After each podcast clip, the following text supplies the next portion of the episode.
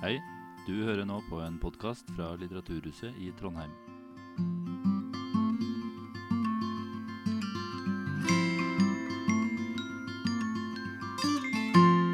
Hei og velkommen eh, til denne samtalen som da har tittelen 'Svikter sportsjournalistene leserne'. Nå er det sånn at I den politiske journalistikken så har det vært et ganske stort oppgjør rundt det her med om det er for tette bånd til kilder mellom kilder og journalister. Eh, og da, da spørsmålet vi skal svare på i kveld, det er trengs det et sånt oppgjør i sportsjournalistikken. Så med meg til det fra enden her, så har jeg Erik Våtland i Medie24. Leif Welhaven, kommentator i VG. Birger Løfaldi, Adresseavisa. Og Petra Torén i Aftonbladet.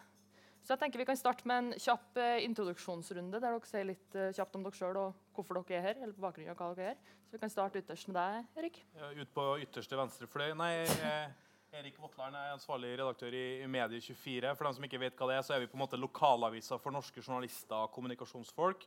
Eh, jeg tror Grunnen til at jeg sitter i panelet her, er fordi jeg har brukt eh, det siste eh, året spesielt på å prøve å lage litt kritisk journalistikk om sportsjournalistikk. Nettopp fordi at jeg har sett at det er en mangelvare der ute. Og fordi at jeg mener at prioriteringene ofte har vært feil.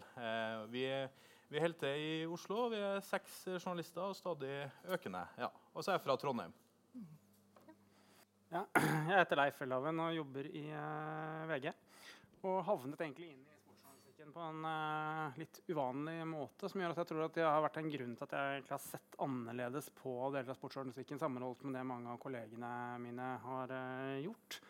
Altså jeg har utgang, altså liksom hatt utgangspunkt i at jeg har holdt på med alle andre former for journalistikk i, i veldig mange år, Har studert juss og statsvitenskap. og havnet egentlig da som London-korrespondent og eh, dekket Premier League. Og så har det seg sånn at eh, jeg er gammel fotballspiller. Jeg spilte eh, altså, for et halvt liv siden.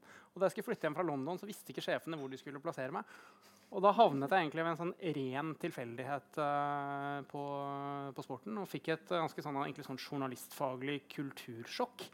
Som jeg har prøvd å bruke mye av mitt virke i VG for å gjøre noe med. Og det som måtte ha har vært litt min baby, først som leder, og etter hvert etter at jeg byttet jobb til eh, altså kommentator, er å se sportsjournalistikken vekk fra terminlistene og prøve å se sporten igjen. Altså i en større sammenheng. Og, vi, vi, er liksom, vi er nødt til å gjøre noe med ganske mye i denne bransjen som handler om faglig profesjonalisering. Som vi kan komme tilbake til i neste time. Uh, Birger Løffelli. Eh, Adresseavisa. Jeg jobba på Sporten siden 2008. Ti år som eh, reporter. Dekt langrenn veldig tett. Petter Northug veldig tett. Eh, og vet godt hva det handler om, liksom det å være midt i nyhetskampen. Petter Northug i sin tid var jo kanskje det norske sportsjournalister var mest på jakt etter når det gjaldt nyheter. Det er jo den ene sida av det jeg jobber med. Og så har jeg jo skrevet to bøker, som er liksom en helt annen måte å jobbe på. Eh, dokumentar. Jeg om Rosenborg, jeg om Fotballforbundet. Eh, to siste åra har jeg vært kommentator. Uh, skriver veldig mye om Rosenborg, veldig mye om langrenn. Og er mest opptatt av såkalte spillet atomspillet. da. Jeg, jeg syns det maktspillet og det som skjer i korridorene, er alle spentest mer spent enn han som vinner fotballkampen, sjøl om eh, det selvsagt handler om det òg. Ja, jeg heter Petra Thorén og uh, har arbeidet på Aftonbladet sedan, oj? Ja, siden 1994 og var på lokaltidning i Göteborg før det.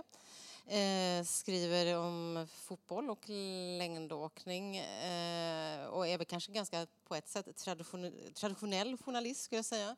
Eh, nyhetsreporter, eh, snedstreck kanske eh, kommentator men inte på samma sätt som Leif där utan eh, kombinera de rollerna lite mer och ehm, har varit med på hela den här resan som, som har gått från den långsamma journalistiken där vi gjorde printversioner och kunde ringa våra kollsamtal till den här snabba journalistiken som är nu eh, där vi- utövaren knappt hinner säga någonting innan det är på, på, ute på sajten och eh, försöker navigera i det landskapet eh, utifrån att vara korrekt och eh, inte töja på de journalistiska principerna och de publicistiska principerna utan våga liksom försöka stå, stå och hålla fast vid det och eh, Eh, det tycker jag är en utmaning. Sen sitter jag också som ordförande i Sportjournalisternas förbund i Sverige sedan i juni. Och eh, med den problematiken eh, som vi har där, vi jobbar, eh, har ett samarbete med Norge förstås, men också det här med den nya tiden, den nya spelplanen för, för sportjournalisterna med som vi jobbar mycket mot i Sverige där vi har bettingföretagen som kommer in allt starkare med en avreglerad marknad. Hur ska vi hantera det? Vilken roll har vi? Hur obundna är vi? Så att, en mängd av de frågorna som jag utgår från att eh, jag får besvara här från ett svenskt perspektiv kanske då. Ja, Vi kan jo starte med deg, Leif. Du sa jo at du fikk et journalistfaglig kultursjokk. Hva er det du legger i det? Altså, det, jeg husker veldig godt de første morgenmøtene da jeg kom eh, til sporten. Og da hadde jeg jobbet altså, jeg, jeg tror jeg jobbet med alt annet enn kultur. Så det var ikke, så, så, så det ganske mange forskjellige avdelinger jeg hadde vært innom. Og jeg opplevde liksom mandag morgen at morgenmøtene begynte, og så snakket man om sporten og hva som hadde skjedd i helgen. Og man snakket videre om sporten og hva som hadde skjedd i helgen, og den og den hadde skåret det og det målet eller uh, gått så og så fort på ski. Og så var spørsmålet sånn hvordan skal vi angripe dette journalistisk? Hvilken verdi har dette for oss i jobben vi eh, skal gjøre? Og jeg, for å si det litt tablid, så opplever jeg at, det var en redaksjon som var sammensatt av folk som misforstår meg rett, at var altfor opptatt av sport og altfor lite opptatt av journalistikk. I den forstand at altså, journalistikk altså, skal handle om å få ting på trykk som kildene ikke ønsker at skal være der, og gå bak vedtatte sannheter osv. Og så begynte jeg liksom å se rundt meg hva har folk og jobbet med over tid. Og du har jo knapt noen utlufting. Altså, du har en bransje hvor de fleste søker seg inn i sporten, og så blir de der. Altså, hvor man søker seg til sporten pga. sportsinteresse primært. Og når du har en redaksjon er, hvor du ikke har noe, altså, noe, altså noe særlig spennvidde, så har du altså folk som kan veldig mye om sine felt. Og så blir man altså, veldig hjelpeløse hvis du ikke er altså, så tilstrekkelig altså, journalistfaglig og også skolert altså, på andre områder som gjør at, altså, du kan, altså, at du kan takle saker som handler om andre ting enn det direkte terminlisterelaterte. Dopingsaker er det mest kon konkrete eksempelet, hvor presisjons- og kunnskapsnivået i norsk sportspresse er under enhver kritikk. Noe som eh, i enkelte saker også har gitt altså, kommunikasjonssiden altså, helt unødvendig lett spill i å få lov å styre et, altså, et, narrativ, fordi man ikke altså, har gjort hjemmeleksen sin og, og, og og ikke kan regler, lovverk, begrepsbruk osv. I, en- altså, i, en, eh, i en tilstrekkelig grad. Og der har vi ferske norske eksempler som altså har vært etter mitt syn en direkte skamplett for norsk, eh, norsk journalistikk og skikkelig faglig flaut. Erik, du har jo skrevet en del om det her. Hva tenker du om den, Leif? Nei, altså, jeg, I likhet med Leif så har jeg på en måte også en sånn traversering av på en måte sånn, eh, å, å, å se litt på, på tvers av, av de redaksjonene. og sånn. Jeg har jo sjøl ikke noe utprega sportsinteresse utover at United spiller mot Klubb Brygge akkurat nå. og Det er litt spennende. Men det er liksom, eh, jeg har litt sånn den samme tilnærminga. Og det som på en måte har overraska meg litt etter at vi begynte å, å dekke sportsjournalistikk på et kritisk måte, det var jo Eh, journalistikk, han, altså, journalistikk er ingen popularitetskonkurranse. Men det var faen meg mange som prøvde å være populær. Og det legger jeg i det faktum at det handler om å lage koseintervjuer. Det handler om å komme tett på kildene. Det handler om å på en måte få den beste underholdningsbiten. Og da lurte jeg på hvor er journalistikken oppi dette her? Altså, Journalistikk handler om å finne ut av sannheten. Og det er liksom det, er det vi holder på med. Og så kommer på en måte alt pludderet ved siden av. Altså, Du må ha kjøttstykket, og så kommer altså, alt det andre eh, grønnsakene skal være der i tillegg til. Eh, så jeg opplevde, når vi begynte å skrive om dette og undersøke dette kritisk, så, så ser vi jo det at kompetansenivået er for dårlig, eh, fokuset er for dårlig, lederskapet er for dårlig, og den pressefaglige, presseetiske forståelsen er for dårlig. Eh, og dette går altså fra topp til bunn i de største norske redaksjonene, og det har overraska meg i betydelig grad. Eh, Birger, oppfatter du det sånn at det har vært som en popularitetskonkurranse? for å si det sånn? Jeg var ganske enig i veldig mye som er sagt. Altså, jeg, jeg er ikke jeg opplever det ikke så sterkt. Jeg, jeg syns jo at sportsjournalistikken har tatt eh, store steg de siste åra, eh, med VG i front. Uh, og så er det fortsatt mye å ga på. Uh, det syns jeg kanskje er aller best uh, sagt her, det er jo at de sakene vi må ha på trykk, det er saker som kildene ikke vil ha fram. Altså De beste Rosenborg-sakene vi trykker, de kunne aldri ha stått på rbk.no, selv om det er fint å ha en, en snakkerutsak. Altså, det, er ikke, det, er jo ikke sånn at vi ikke skal ha et uh, koseintervju eller en, et, et, intervju etter en kamp. Det er fint, det òg, men det er ikke det som har stor verdi uh, journalistisk. De sakene vi må gå etter, det er uh, dem som de ikke vil trykke sjøl. Et godt eksempel akkurat her, da, som jeg tror det blir, blir mer og mer aktuelt, det er jo det at uh, utøvere, organisasjoner, lag går ut på sine egne kanaler med nyheter som de vil ha ut. Johannes Østflot Klæbo for et par uker siden, da han uh, fått en skade, er jo et aktuelt eksempel. Han hver sin egen kanal presenterer nyheten. En nyhet som alle her ville hatt. VG ville hatt den, også ville hatt den, men han valgte også ga på sin egen kanal. Og da er det jo å se attom det, som er vår oppgave. Problematisere det, som heldigvis ble gjort. Akkurat der er faktisk litt sånn, eh, der, der har jeg litt annet perspektiv enn det. fordi eh, jeg så denne YouTube eh, altså Det var det at han hadde skada hånda si, som på en måte var nyheten her. Eh, og, og, og, da så jeg at det var flere som var ute og sutra over at vi ikke media fikk den, eh, fikk den nyheten. Det mener jeg er tull. Altså, det er ikke der perspektivet skal ligge. liksom. Eh, altså Det at han har et behov for å fortelle sitt publikum om at han har liksom drukket hånda, det er greit. Hadde han ikke stilt seg laglig til hogst for journalistiske spørsmål i ettertid, da hadde jeg skjønt kritikken. Men det faktum at han går ut på YouTube-kanalen sin, sånn, det, er måte, det er den nye medievirkeligheten. Det må vi bare ta høyde for. Og så får vi heller bli irritert hvis de ikke svarer på kritiske journalistiske spørsmål. Der mener jeg perspektivet må ligge. Ja, det er helt enig i. Da misforstår du. Eh, det her er framtida, tror jeg. Ja. blir bare mer og mer, og det må vi forholde oss til. Og det er ikke det, er ikke det å få akkurat de her snakkerutsakene som er det aller viktigste for oss. Det, det, er fint å ha det, men det er å ga etter. Og det som er problematisk der, det er jo at det er eh, vanskelig å få oppfølgingsspørsmål. Akkurat det er jo en bagatellsak, men hvis det her fortsetter, og hvis andre nyheter blir lagt ut på den måten, og de gjør seg utilgjengelig på den måten, så er vi, da, da er det problematisk. Altså Faren er hvis dette vokser i omfang. og jeg synes at du sånn på makronivå altså ser en trend hvor kildestyringen allerede er altså så enorm innenfor de mest populære idrettsgrenene. Og hvis dette etter hvert altså begynner å bli gjengs, at du ser altså tendensene til hvor altså, du omtrent rundt pre, altså, Premier League for eksempel, er allerede frykt altså, Informasjonsapparatet har fullstendig kontroll. Hvis det etter hvert begynner å bli mer og mer altså, egne strømmetjenester og døde, omtrent fjerne pressekonferanser, til, de få mulighetene som er til, altså, til, til, å stille spørsmål, så har du jo et spørsmål etter hvert liksom, om pressens funksjon blir altså skjøvet, altså skjøvet uh, til side. Da.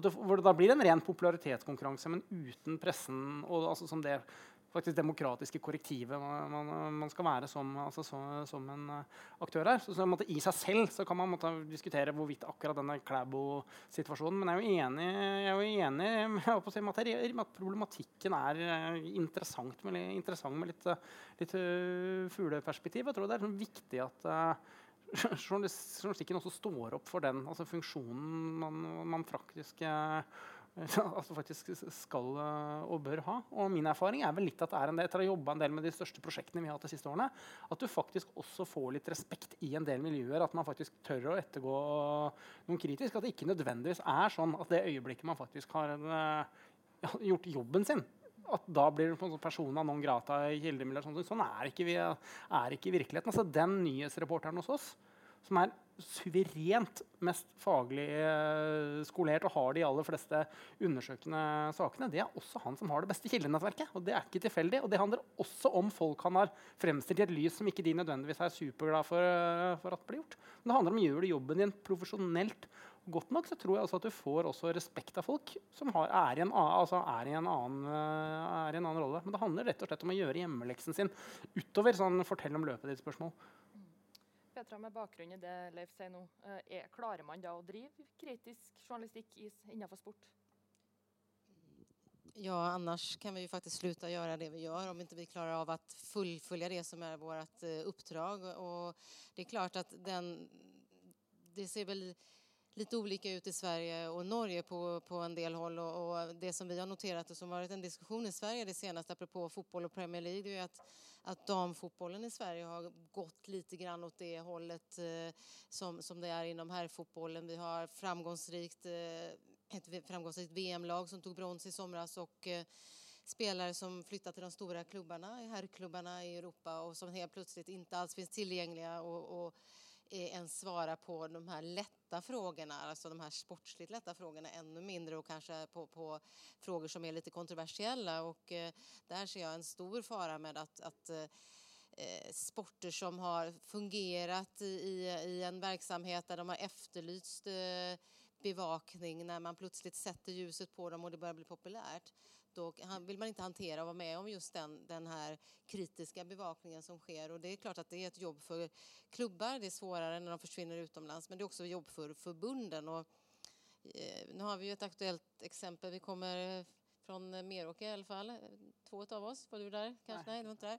Och, och, vi står i fållorna och vi, vi, det är ju ett resande cirkussällskap det här eh, skid gänget. Vi är ute, många som känner varandra sen, sen innan och man lever tätt och man bevakar vi bevakar Sverige och Norge bevakar oss och vi är väl bara norska och svenska journalister som ställer några former av kritiska frågor till arrangörer och annat. Men, men eh, det finns ju en tendens, tycker jag, och i alla fall inom den svenska längdsporten där att man skyddar sina åkare ganska mycket. Vi eh, eh, hadde en diskussion häromdagen med en, en eh, norsk kollega om at vi, liksom, vi har ikke ens mulighet å ringe Ebba Andersson om hun er knäskadad. Man ber oss eh, värnar om lugn og ro kring familjen og det handler om en knäskada. Da kan vi forstå hva det hadde handlat om. Det hadde vært riktigt allvarliga saker som vi hade varit tvungna att kritiskt granska. Så jeg tycker at hele den tendensen av at man skal skydde utövarna. Man gjør det så enkelt for dem och eh, eh, inte våga. Alltså det, det, jag, jag, tror många av dem hade mått bra också av att våga få stå upp eller få bemöta den kritik som emellanåt kommer. Och då pratar vi fortfarande om ganska enk, enkel kritik. Det blir svårare när det blir eh, förskingring eller ekonomiska brott och sånt där som också förekommer inom idrotten. Då. Ja, Erik? Ja, nei, altså, jeg, jeg, tror jo at du har et, et, betydelig poeng der. og det er klart at eh, hvis, man, hvis, man, bruker 80 dager av året da, på å reise sammen med disse utøverne, så får du et forhold. på en måte, sant? Eh, jeg er medlem på eh, presselosjen på Stortinget, eh, hvor jeg omgås norske toppolitikere hver eneste dag. Denne problemstillinga kan jeg. Denne problemstillinga kan norske politiske journalister. Det er ingen som lager mer kritisk journalistikk enn norske politiske journalister. De møter de samme kildene i kantina hver eneste dag. Men de er veldig klar over sin rolle. Og den rollen er mulig å ivareta hvis du tenker at jeg går på jobb som journalist. Jeg går ikke på jobb som sportsinteressert. Eh, eller jeg går ikke på jobb som politisk eh, interessert. Så, så, og Det er på en måte, det er innafor noen tusen kvadratmeter sant, hvor du opp, opplever å være hver eneste dag. Og så kjenner jeg jo på det at det er en sånn form for en sånn marinade nesten av eh, liksom bindinger Eh, det er så utrolig mye sportsjournalistikken som har provosert meg over lengre tid. Da. Vi kan ta noen eksempler. Eh, uten at jeg liksom navngir det, så, så, er det noen eksempler. Men vi kan, vi kan, ta et eksempel eh, her fra Trondheim, eller Trøndelag, hvor Kåre Ingebrigtsen, eh, som, eh, som, vi alle sammen vet hvem er, som var trener i Rosenborg, som havner i en rettslig strid eh, med, med, klubben. og som, som, får fyken og, og, og, havner i denne rettslige striden. Og så havner han noen uker etterpå som ekspertkommentator på en norsk TV-kanal, hvor han står og faktisk intervjuer den nye treneren i Rosenborg. Altså, hallo, Har du bindinger? Har du interesser? Har du, altså, du har økonomiske interesser, juridiske altså, det, det er liksom sånn, Dette hadde ikke skjedd i politikken i den politiske journalistikken. Dette hadde ikke skjedd på nyhetsplass, men det skjer i sportsjournalistikken. Og det er fordi jeg tror at den har det stempelet på at det er liksom ikke så viktig. på en måte. Og det er forbanna provoserende når du har enkelte miljøer som jobber eh, med å sette dagsordenen fra sportsjournalistikken sin her. Det er også bare viktig å understreke at For folk som ikke er innad i bransjen, så er det ikke sånn at vi har én hver varsom-plakat for sporten og én for, uh, for, altså for, for, resten av bransjen. Vi er underlagt akkurat de samme journalistetiske reglene som det resten av uh, bransjen er. Og da er altså spørsmålet hvorfor man også tillater uh, ting som man aldri hadde gjort på, altså på andre arenaer. Og eksemplene er altså helt uhorvelig altså, uhorvelig mange. Altså Petter Northug er altså for eksempel, han selger skibriller. Han, har, han er involvert i en forbindelse med altså i en forbindelse med Skiforbundet, som altså har økonomiske interesser av, samtidig som han er ekspertkommentator uh, på TV. Du har en håndballekspert som altså der, som de til, TV 2 lagde til og med gladsaker om at de lagde saker om at han kommenterte sin egen datter og se, altså, se hvor god hun er. Altså, det fins et helt utømmelig mengde eksempler på typer journalistikk hvor du kan stille deg, altså ta et tilsvarende scenario, løfte ut av sporten og se for deg hadde det overhodet vært tenkelig. Og hvis svaret på det er nei, så skal det heller ikke publiseres i, i sporten. Altså, så enkelt er det prinsippet. Her syndes det så mye at det, at det, er, at det nesten er helt ufattelig. Og jeg må si at jeg har bare lyst til å gi litt kred til Erik og hans eh, Det er mulig at de driver som sier, en lokalavis innad i bransjen, så det er mulig at det er mer indremedisin enn for, for, bransjen som sådan. Men ett av problemene har jo også vært at det har ikke vært noen korrektiver på hvordan sportsjournalistikken uh, har holdt på. Vi, blitt, altså, vi, har ikke sett makta i kortene, og ingen har sett oss i kortene. Og det gjør at, altså, at da vokser det veldig fort fram altså, noen subkulturer som er, altså, som er, som er faglig helt uakseptable. Og bare for å knytte sånn tilbake til det jeg snakket med seg, som snakker om Kåre Ingebrigtsen-saken, så er det også et sånn godt eksempel hvor du havner inn i en juridisk, uh, en juridisk situasjon. Og jeg er litt usikker på hvem som var på tynnest is, om det var Ivar Koting og Rosenborg, eller om det var snittet av norske sportsjournalister. Men kompetansen om norsk arbeidsrett, hva er kriteriet for oppsigelse versus avskjed, for uh, f.eks.? Altså, den, altså den type ting henger ak akkurat det samme som når vi snakker om, altså, om dopingsaker. Men man har ikke utviklet altså, kompetansen utenfor kjerneområdet. Og da blir du veldig naken når de vanskelige sakene oppstår. Og det blir altså et pinlig lavt presisjonsnivå på trykk til tider. Men hvordan skal man rydde opp i det kompetansenivået? da? Man kan jo ikke plukke journalistene ut av sporten, hive dem inn i en annen bransje og så plukke dem inn igjen? Altså, du kan ha hospiteringsordninger på tvers innad i en redaksjon. For eksempel. Jeg har veldig tro på at alle journalister bør gjennom en allround nyhetsjournalistskolering. Altså, hvor Du lærer deg, du trenger ikke være ekspert på strømpriser, men altså, du lærer deg journalistmetode som gjør at du faktisk kan sette deg fall inn i ting relativt fort og kunne skrive, altså, og kunne skrive om, uh, om, det aller meste og få altså, impulser, uh, impulser, utenfra. Så hender det, det er ikke så mye av det lenger, men det er heldigvis også noe nyrekruttering. Og da går det i hvert fall an å prøve altså, å lete etter folk om du ikke kan alle venstrebekkene på Rosenborg de siste 20 årene, så er ikke det nødvendigvis så innmari farlig om du kanskje kan litt om medisin og juss. Når det gjelder hva du trengs inn i en, altså en totalredaksjon, og hva, hva, man faktisk skal ha kompetanse å bringe til bordet. Ja, jeg vil peke på et, et, et eksempel. Jeg tror at eh, det absolut är jätteviktigt med, med utbildning, eh, förkovring, att man breddar sig och har ett liksom bredare kompetens på sportrelationerna. Men ett väldigt bra exempel Eh, i Sverige är ju också det här att man kan korsbefrukta alltså redaktionerna och jobba över redaktionsgränserna mycket mer.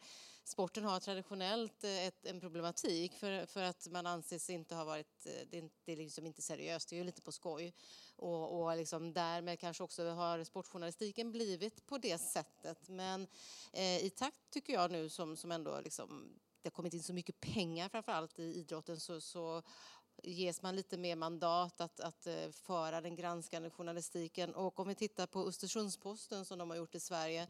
Eh, Linda Hedenjung som, som vi säger då i, i Sportjournalistförbundet hon är inte ens med, sportjournalist, blev årets sportjournalist i, i Sverige för den granskning som hon har gjort som nu har lett fram till, till hela den omvälvande eh, ekonomiska förändring och, och, eh, och eh, eh, misstänksamhet eh, och, och utredning och, och, och eh, sak i vad säger ni, tingsrätten Östersunds eh, fotbollsklubb så, så var det någonting som skedde efter att hon, började, alltså hon granskade kommunen och började se trådar till, till kopplingen till, till klubben. Hon gick eh, liksom till sporten och tillsammans har de ju liksom granskat och, och på det. Och jag tänker att Eh, som Vegen, i, liksom, där finns det massa kompetens. Det finns kompetens på alla tidningar, på andra. Man kan liksom arbeta mer över gränserna för att få in den formen av kompetens. Man behöver inte alltid bara anställa in en eh, liksom, ekonomisk reporter.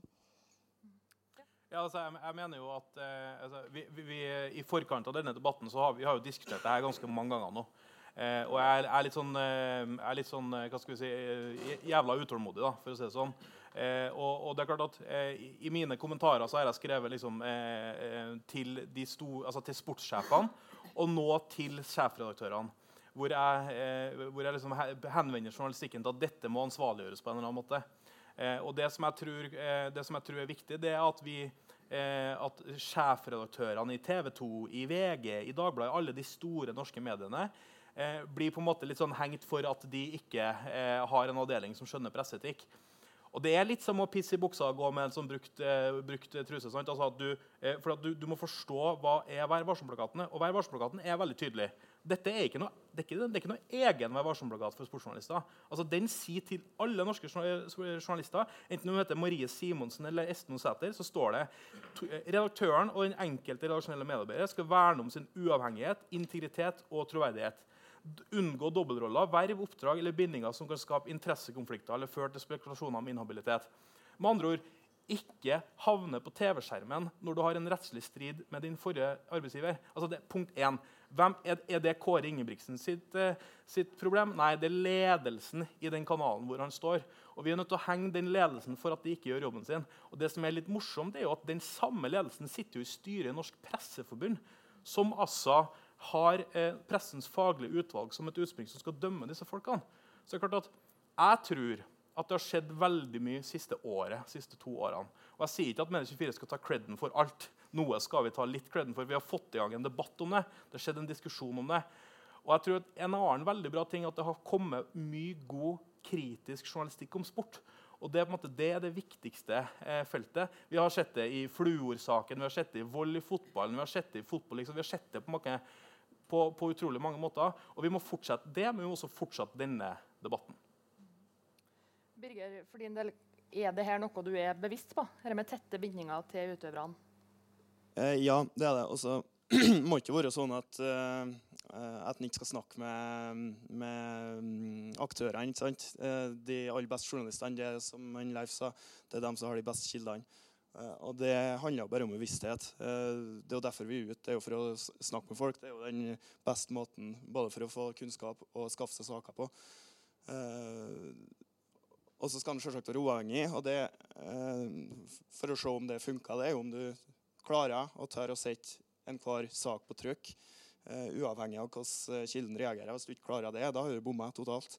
Så det er jo den balansegangen der. Uh, og Får jeg spørre deg om en ting? Bare, ja. fordi du, du, har jo, du, har jo, skrevet bok om Petter Northug. Nei, det er feil. Du, du ikke, men, men, du, har fulgt den veldig tett. Eh, Petter Northug over, og, og, er kanskje den journalisten i Norge som kjenner Petter Northug best. eller i hvert fall en av de som kjenner ham best.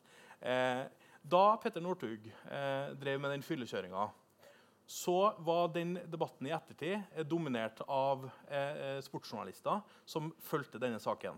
Og det var ingen, nesten ingen som tørra å stille de spørsmålene publikum hadde behov for, før det kom en tidligere programleder Her og Nå, Kari Sørbø, som er for meg et journalistisk eh, forbilde, fantastisk dame i NRK, som, som griller Petter Northug på direktene.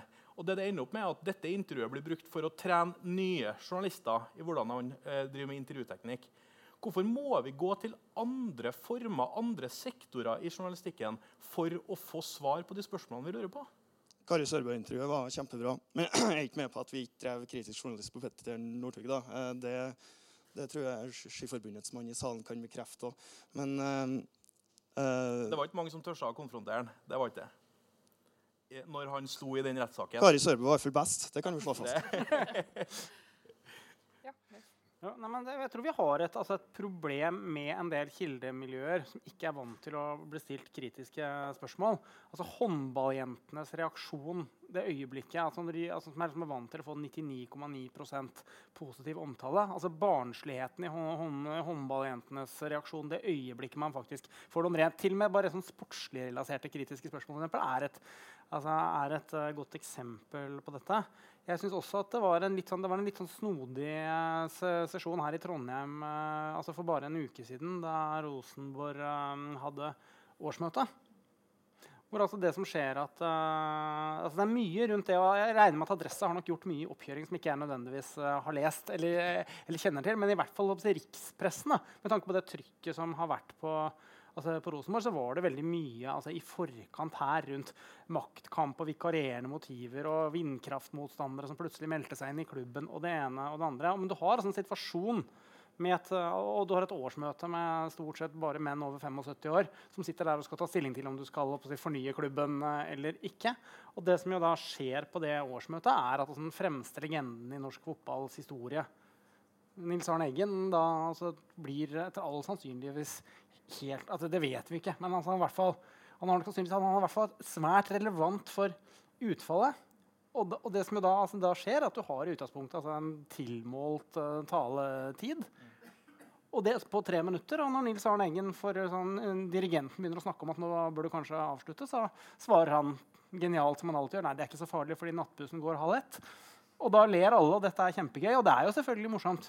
Men, men altså, altså, konklusjonen er at han snakker mye lenger enn den kandidaten som faktisk tapte valget. Og da er spørsmålet er det altså, demokratisk greit at du får en sånn type, altså en sånn type prosess. Og da er spørsmålet gjøres det tilstrekkelig kritisk journalistikk rundt dette? Er det da liksom det vi bør ta tak i, eller er det liksom egentlig bare litt sånn gøy at uh, nestoren over alle nestorer fortsatt har makten i, uh, i norsk uh, fotball? Det er et eksempel på liksom, at uh, I tillegg til ganske mye annet som foregikk altså rundt, altså rundt, det årsmøtet, så er det et eksempel på at i hvert fall på, riks, på riksplan så mener jeg at det blir gjort altfor altså, gjort, gjort alt for lite kritisk journalistikk på ting som egentlig lå ganske servert på straffemerket. Nei, jeg tenkte jo litt før den debatten her på, om, uh, på vår redaksjon. Da. For vi er jo mindre enn VG og mindre enn en, en de største. Uh, og vi har fått en konkurrent som gjør at vi er enda mer på hugget på Rosenborg fra dag til dag. Og da klarer vi oss å se de her lange linjene og ta tak i den type saker. Og da er akkurat den, den måten vi har dekket Rosenborg på siste halvår, spesielt foran årsmøtet, det er noe jeg tenker på at her har vi gjort en skikkelig god jobb da, med både å Eh, problematisert eh, det med vindkraft, eh, det med å se de to kandidatene, hva hvilke interesser de har, osv. Og, og, og det handler jo om, å, om, at vi har fokus på det her. At, at, at, vi vil noe mer enn kun å dra på trening og få ut en sak. for at Sånn er, det, sånn er det, jo bare. Altså, vi, må, vi må det òg uh, for å vinne de her uh, sakene om hvem som er skada, hvem som blir sært, og hvem som uh, kommer til klubben. Men det å se begge de to linjene her, det er jo det som er, det er, det som er utfordringa. Og det handler mye om ledelse, det handler mye om en, den enkelte sportsjournalist òg, men er villig til å ta det. For det, det koster litt mer å gjøre den langsiktige jobben i tillegg. Men det er jo det som er tøkt. Derfor vi lykkes med godt på det her. da. nei, altså, jeg, jeg, jeg, tenker jo at eh, vi, vi, vi, begynner jo altså, vi, eh, Tempen på norsk sportsjournalistikk har forandra seg på ett år, vil jeg tørre å påstå. I hvert fall to år. Eh, den har blitt bedre. Eh, og jeg tror Den blir bedre som en bakgrunn i at vi diskuterer det, og at man, man går tilbake altså Birger Faldi, Charlotte, altså alle sammen går tilbake i relasjonene sine og diskuterer det her. Vi, altså, vi skal ikke bare liksom, eh, hva, hva, føler du om løpet? Hva spiste du til frokost? Var det pultost eller var det, var det liksom jordbærsyltetøy? Men, altså, men, at du, at du, du virker altså, fordi Sportsjournalistikk er også underholdning. Og det, det, Du skal spørre hva, hvordan føler du sjøl at det gikk med løpet ditt. Altså, Det er publikum interessert i. Når du kommer dit i, i mixed zone, eller hva det er for noe, altså, hvordan vurderer du taktikken? Altså, det hører vi i sportsjournalistikken. Problemet og grunnen, altså, jeg tror at For mange journalister eh, har veldig veldig fokus på akkurat det. Og ikke den løpende, kritiske dekninga som man kanskje i, i, større grad har fått i løpet av de siste to årene, hvor man diskuterer bindinger, penger, juss alle de her tingene der, sant? Eh, Vi har fått en dopingskandale eller to. Det har vært en skamplett på norsk eh, sportsjournalistikk. sier annet. Men vi hadde aldri reagert på disse hva føler du nå-intervjuene hvis vi til enhver tid hadde hatt denne dekninga løpende. Hvis nivået på sportsjournalistikken har vært god, så hadde ikke vi reagert på hva føler du nå. Eh, og Vi er på vei dit, men vi må diskutere det mye mer, og redaksjonene må skjerpe seg. Men er det et mål i seg sjøl å ha en helt objektiv sportsjournalistikk? Er det mulig? Petra? Jag tror att det ser lite... Jag hoppas, inte att det, jag, hoppas det ser värre ut i, i Norge än i Sverige. Då, för Jag tycker ändå att vi har i Sverige väldigt mycket bra granskande journalistik utav sportjournalistiken också. Och att, att eh, prioriteringarna har liksom gått åt att bli mer... Alltså, att våga välja. Så vi, vi är ju ett, ett landskap där liksom det, det är ett enormt flöde med information men att vi, att vi har vågat göra prioriteringar där det inte bara, alltså matchen i sig den har sitt sportsliga värde, det får vi inte glömma av. Våra läsare läser sport för att de älskar sport och den formen av journalistisk bevakning som också kan vara granskande i syfte av spelsystem och, och spelarval och annat, den måste få finnas kvar. Men eh, jag kan i alla fall tycka på vår redaktion på Aftonbladet så har vi varit, blivit selektiva. Vi avsätter medvetet eh, resurser och tid och, eh, kompetens för att gå djupare på vissa områden och eh, tycker att vi sätter press både på makthavare inom idrotten men även inom politiken och breddidrotten när det gäller satsningar på, på ungdomar, barnidrott, alltså, eller ungdomsidrotten kopplat till barnkonventionen. Det finns en rad satsningar som är gjorda. Det som är viktigt är ju att sporten er är en del av samhället och det är en plattform. Det, du har elitidrottarna, men jag menar, alla är ju inte som Therese Johaug. Det finns också en mängd problematik eh, nere i ungdomsleden. Att, att man får se att vi är en spelare som finns där för att också bevaka den formen utav eh, eh sportslig verksamhet, även om vi som ägnar oss åt toppen mest. Och jag tycker ändå att eh, den tendensen som du beskriver här, att den finns. Jag menar, eh, hela maktkonstellationen inom Fifa och Uefa och SOK. Liksom. Det är inte så att de får härja helt fritt utan att någon ifrågasätter dem längre. Så att jag tycker också att det finns en, en riktning som är jätteviktig. Eh, och det är klart att sportjournalistiken måste vara objektiv i den mån det går. Sen har vi en annan problematik som ni kanske också känner av ibland, alltså kopplingen till agenter, framförallt inom fotbollen. Eh, som är verkligen nya makthavarna inom sportjournalistiken, den tycker jag är svårare. Jag vet inte riktigt hur ni känner kring det. Jo, nei, altså Agentproblematikken er helt uh, åpenbart relevant. Jeg tror tiltagende relevant. Og, og begynne å stille seg selv litt mer spørsmålene om hvem som lekker hva med hvilke baketanker og interesser for å skru opp pris. altså sånne ting er, er relevant. Men jeg mener at Du spør om du kan ha en objektiv journalistikk. Jeg mener at altså, Ting henger sammen her. Du skal ikke ta entusiasme og underholdningsfaktoren ut av eh, sportsjournalistikken. Det er ingen som mener at vi skal forholde oss 100 nøktern til det Erling Braut Haaland gjør, gjør, om dagen, og at du skal liksom bare ikke ha noen emosjoner når TV-kommentatorer for, altså formidler norske landskamper eller, altså, eller OL-gull. Men, altså, men, dette henger sammen. Altså, det handler om men altså, Lakmustesten på om vi er journalister eller ikke journalister, handler om altså, om vi også klarer å ta altså, de samme miljøene som man hyller når de gjør noe bra, om man da altså, gjør jobben sin tilstrekkelig når de havner i vanskelige situasjoner. Og da kommer jeg alltid tilbake til disse norske langrennssakene, og særlig, og, og særlig den ene av dem. Og da mener jeg sånn at Vi hadde stått mye mer ære hos oss det øyeblikket Martin Jonsrud Sundby ta, endelig tar sitt første veldig velfortjente VM-gull nå i C-felt. Hvis vi også hadde evnet å dekke saken mot ham altså på en måte som tilfredsstiller journalistfaglige krav, og faktisk gjort helt elementære ting som var helt tilgjengelig for oss hvis folk hadde giddet å lese litt avansert engelsk og sette seg inn i et regelverk, et regelverk eller to. Der, Og der mener jeg på en måte, og Derfor henger dette sammen. Da hadde vi klart, da hadde vært, Slipp gjerne følelsene løs, for da er det åpenbart kjempejournalistisk relevant at han omsider lykkes altså, i C-felt. Men vi er ikke journalister hvis ikke vi klarer å dekke den andre siden av saken også. når det oppstår, når det oppstår situasjoner.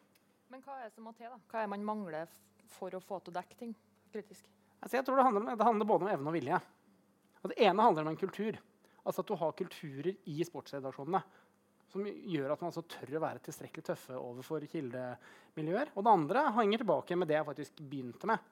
Altså at du må ha kompetanse utdannelse utover altså sporten som gjør at du er i stand til å forstå hva som står i den dommen eller i det regelverket. Og gjerne ting som er veldig krøkkete juridisk formulert, og hvordan dette henger sammen. Og slik, og også da være i stand til å avsløre dersom du blir presentert for et, altså et, et, et narrativ som er høyst problematiserbart ut fra hva som faktisk altså står i regelverket. Men det, det, det, altså, det, går ikke hvis ikke det har gjort, gjort, gjort, gjort hjemmeleksa di i forkant. Og da blir man altså, offeret for en historiefortelling som ikke nødvendigvis altså, samsvarer med de journalistiske prinsippene som, eh, som, eh, som bør gjelde. Så, det er, så det, dette, er og, dette er ikke gjort over natten, men, er, men, det handler rett og slett om sånn gjennomgående profesjonalisering. Så jeg har bare lyst til å si sånn helt at det er, ja, det er ting er blitt bedre. Og det som er veldig kult i år, Nå er ikke metoderapportene uh, sluppet ennå, men altså, nå har, altså, i år så er det opptil flere prosjekter fra norske sportsredaksjoner som, i hvert fall, uh, som ikke er helt utenkelig at faktisk kan være konkurransedyktige med andre redaksjoners prosjekter når det kommer til Scoop-konferansen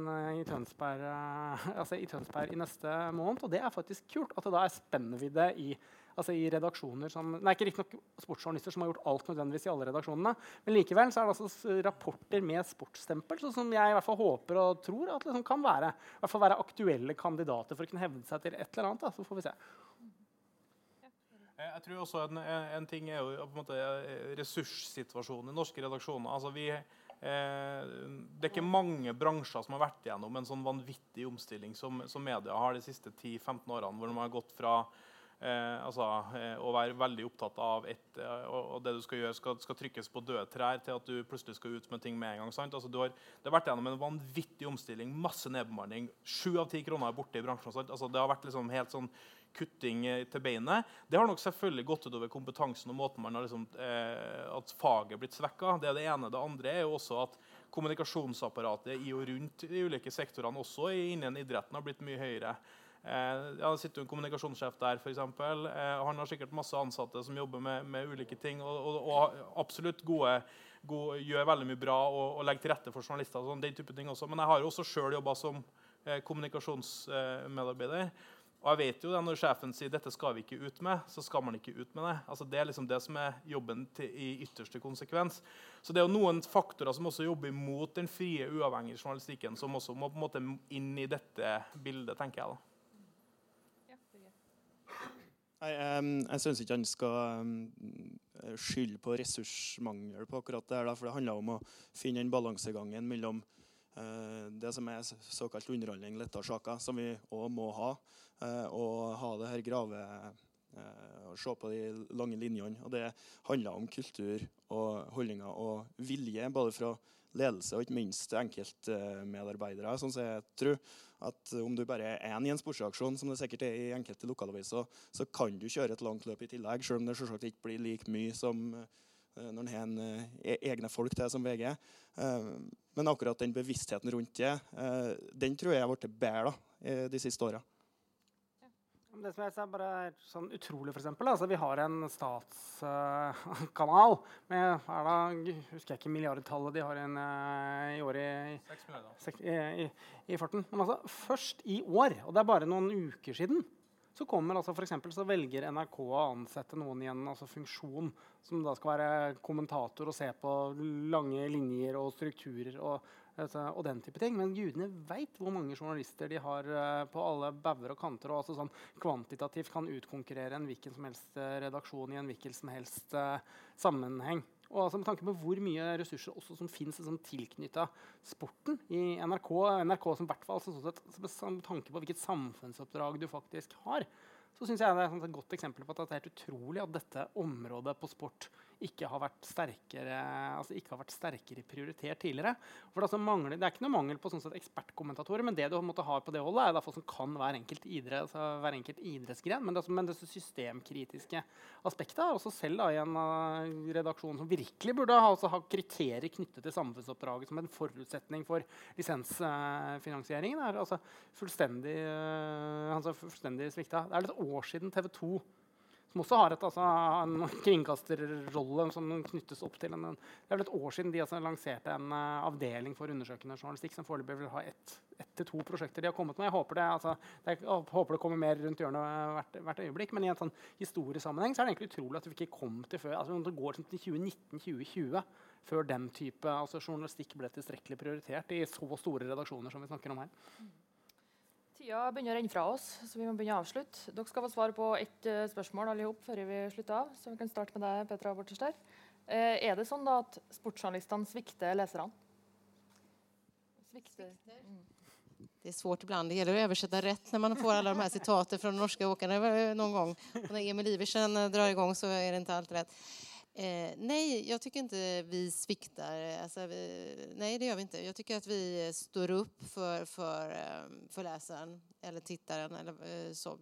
Men eh, eh, det som Leif är inne på där är, är otroligt viktigt och det är att man hela tiden eh, vet om sitt uppdrag, att man vet om var, varför är jag utskickad. Jag är utskickad på jobb för att bevaka den här skittävlingen, den här fotbollsmatchen eller handbollsmästerskapet.